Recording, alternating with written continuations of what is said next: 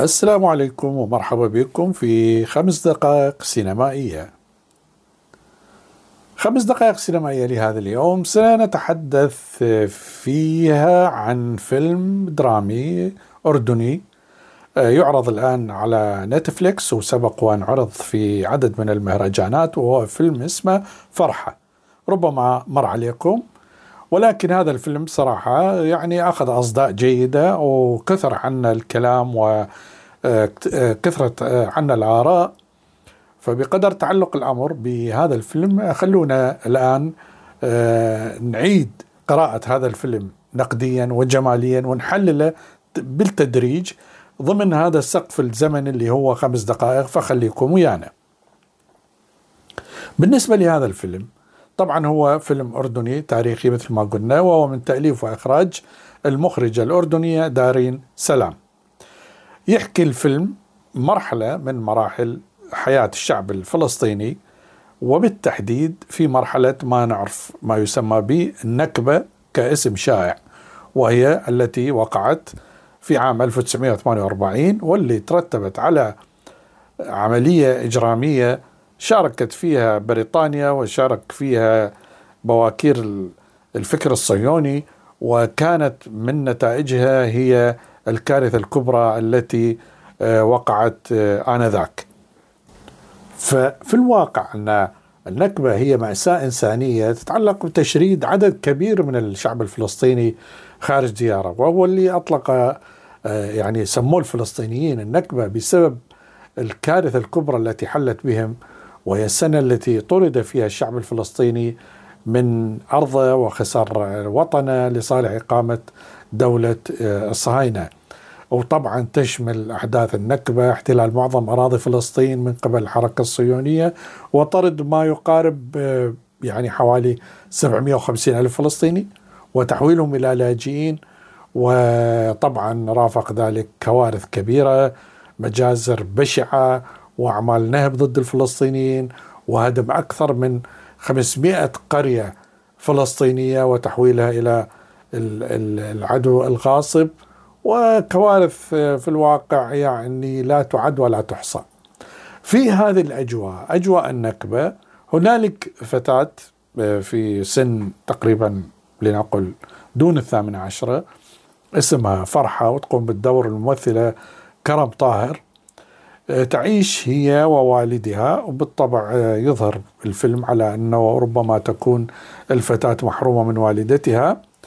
وحياه آه، يومية الظهور بالزي الفلسطيني التقليدي وكذلك الأماكن المباني البيوت القهوة إلى آخره كلها تعود إلى تلك الحقبة سنة النكبة.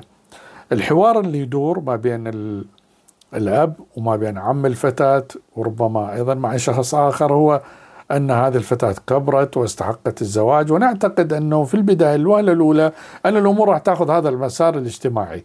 ولكن التحول الدرامي سيحصل بعد تقريبا ربع الفيلم ربع المساحة الزمنية للفيلم وهو وقوع النكبة. بمعنى دخول البريطانيين ودخول الإسرائيليين إلى الأراضي الفلسطينية وما ترتب عليه من آه، انضمام الأب إلى المقاومة وبقاء الفتاة آه، لوحدها.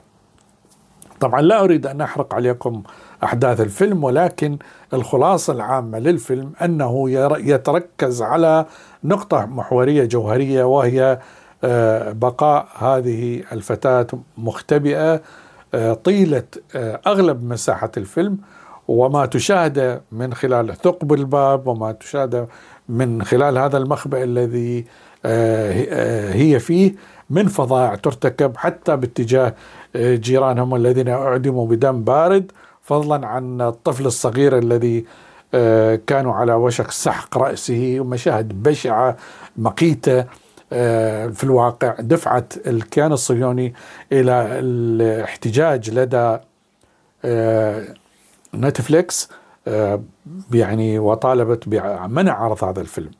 آه، في الواقع أن موضوع أعزائي موضوع الاختباء وموضوع البنكر هذا اللي نسميه باللغة الإنجليزية ليس بجديد على صعيد السينما العالمية. هنالك عشرات الأفلام التي آه، يعني قدمت شخصيات محاصرة وكيف تستطيع البقاء والدفاع عن حياتها يعني الصراع من أجل البقاء في الواقع في ظروف مزرية وانقطاع العالم الخارجي وربما بقلة الطعام وقلة المؤونة وما إلى ذلك.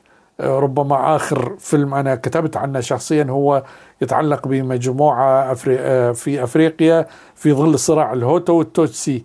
أربع نساء هن في bunker في مخبأ. آه، يتعرضن أيضا إلى مخاطر جسيمة. ففي الواقع الفتاة تنضج وتكبر وتتجاوز سن المراهقة ودخول الحيض وإلى آخره وكل هذه التفاصيل سوف تعيش هذه الفتاة التي ستتمكن من في النهاية من الخروج من ذلك المخبأ. الفيلم آه، قوبل باهتمام كبير لسبب أنه يعرض هذه القضية الإنسانية مع أنه على صعيد السيناريو والبناء الدرامي كان ممكن أن تكون هنالك أحداث أخرى وتكون هنالك عناصر صراع أخرى بالإضافة إلى عدم تجسيد الطرف الآخر بشكل واضح سوى بمشاهد. بصراحة يعني أنا بالنسبة لي لم تقنعني كثيرا. آه، مجموعة الصهاينة أو مجموعة البريطانيين أو ما شابه كان بحاجة إلى اشتغال عليها بطريقة أخرى. على كل حال آه، طبعا إحنا نحيي المخرجة دارين آه، سلام وفريق العمل ونقول إنه هذا الفيلم اللي طوله 94 دقيقة وبدأ بالعرض في عام 2022 هو فيلم يستحق المشاهدة. انتهت الخمس دقائق والتقي وياكم في خمس دقائق أخرى حتى ألتقيكم. تحياتي وإلى اللقاء. مع السلامة.